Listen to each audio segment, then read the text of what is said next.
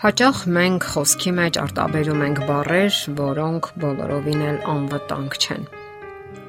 Իսկ ինչ է եղել, որ մտածում են մարդիկ։ Հայհոյում են բոլորը, թե մեծերը, թե նույնիսկ երեխաները։ Իսկ հաճախ էլ ոչ թե բարկացած ժամանակ, այլ հենց այնպես սովորության ուժով, եւ դա համարվում է անվտանգ խաղ, նույնիսկ զվարճություն։ Դա ինչ տղամարդ, եթե չհայհոյի։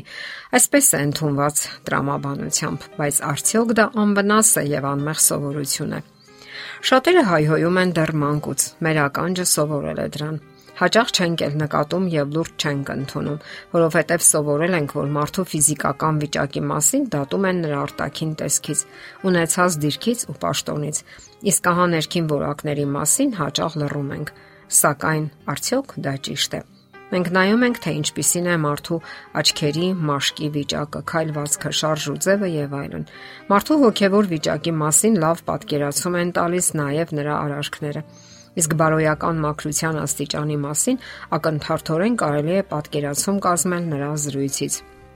Զրույցը վկայում է անznավորության, դասերակցության, կրթության, ճաշակի մասին։ Մյուս կողմից այսօր արդեն པարզ է, որ զրույցը տեղեկատվական ուժեղ զենք է, որը կարող է հարվածել մարդու թե ֆիզիկական եւ թե հոգեվոր առողջությանը։ Եվ ցավալին այն է, որ հաճախ մարդիկ բարերի օգնությամբ քայքայում են սեփական աշխարհը։ Հետաքրքիր փորձ է կատարել բժիշկ կենսաբան Իվան Ամբելիաևսկին։ Նա փորձել է ողրել, թե ինչ ձևով են մարդկային օրգանիզմի վրա ազդում ոչ թե մեծաթիվ բառային խմբերը, այլ առանձին բառերը։ Նրա 17-ամյա փորձին աստիճանաբար միացել են գործընկերները։ Արդյունքները ոչ միայն հաջող էին, այլև իսկապես հայտնություն։ Գիտնականներին հաջողվեց մաթեմատիկական ճշգրտությամբ ապացուցել, որ յուրաքանչյուր բառ իր մեջ էներգետիկական լիցք է կրում, եւ այդ բառն ազդում է մեր գեների վրա,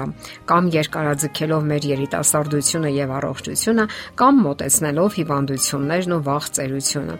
Ակնհայտ է, որ տարբեր բառեր տարբեր լիցքավորում ունեն։ Այն նման է սովորական ֆիզիկայի լիցքերին, դրական ու բացասական։ Իսկ այժմ խոսենք մեր աշխարհում այնքան ընդունված հայհոյախոսության մասին։ Շատ մարդկանց համար հայհոյախոսությունը պարզապես սովորություն է, ինչպես նշեցինք։ Ոմանց մոտ էլ նորմա է սեռական բնույթի հայհոյանքը, կամ էլ մարդկանց պիտակավորելը, ինչը նույն հայհոյանքն է մի քիչ մեղմ ձևով։ Դրանք պարզապես հայհոյանքի տարատեսակներ են եւ չեն դադարում հայհոյանք լինելուց։ Եվ ահա 90-ականներին գիտնականների վերոհիշյալ խումբը գիրք է հրատարակում, որտեղ կան մի շարք օրինակներ կապված մարդկանց վարքի ուսումնասիրությունների հետ։ Մի քանի տարի ուսումնասիրել են նույն տարիքի մարդկանց երկու խումբ։ Առաջինի մեջ մտել են նրանք, որոնք սկզբունքային հայհոյողներ են եղել, իսկ երկրորդի մեջ նրանք, ովքեր, այսպես ասած, յոլա են գնացել առանց թունդ բարերի։ Եվ ահա պարզվել է, որ հայհոյողների մեջ շատ արագ են հայտնվել տարիքային փոփոխություններ գենետիկական մակարդակում, եւ ապա արագորեն հայտնվել են բազմաթիվ հիվանդություններ։ Երկրորդ խմբում պատկերը կտրուկ հակառակն է եղել։ Մասնավորապես 50-ամյա կինը, չնայած ուսուցչի իր նյարդային աշխատանքին, իր անznագրային տարիքից 13-ից 15 տարով երիտասարդ է երևացել։ Այսպիսով մեկ անգամ եւս ապացուցվել է, որ պիղծ բարերի մեջ հսկայական կործանարար ուժ կա։ Եվ եթե միայն մարդը կարողանար տեսնել, թե ինչպիսի հզոր բացասական լիցքեր է տարածում իր շուրջ բոլորը հայհոյախոսությունը, նա երբեք չէր հայհոյի։ Ժողովրդական իմաստությունը պնդել է եւ շարունակում է պնդել, որ հայհոյախոսի տանը խաղաղություն չկա։ Իսկ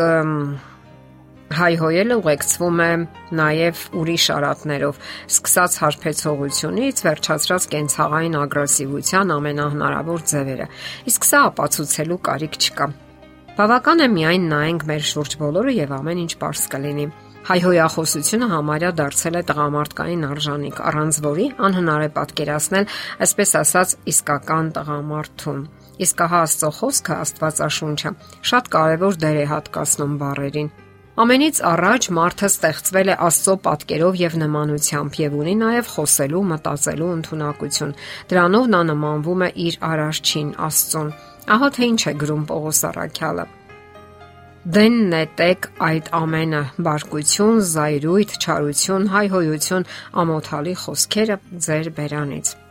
Ամեն մարդ, ով օգտագործում է պիղծ, ամոթալի եւ անմաքուր բառեր, վիրավորում է ոչ միայն Աստծուն, այլև իր մեջ գտնվող Աստծո պատկերին։ Ստացվում է, որ մարդը քայքայում է իրեն թե ֆիզիկական եւ թե հոգեվոր բարոյական բոլոր մակարդակներում, եւ բուն կյանքն ինքը վկայում է այն մասին, որ հայհոյախոսությունը դառնում է մեկ այլ կյանքի,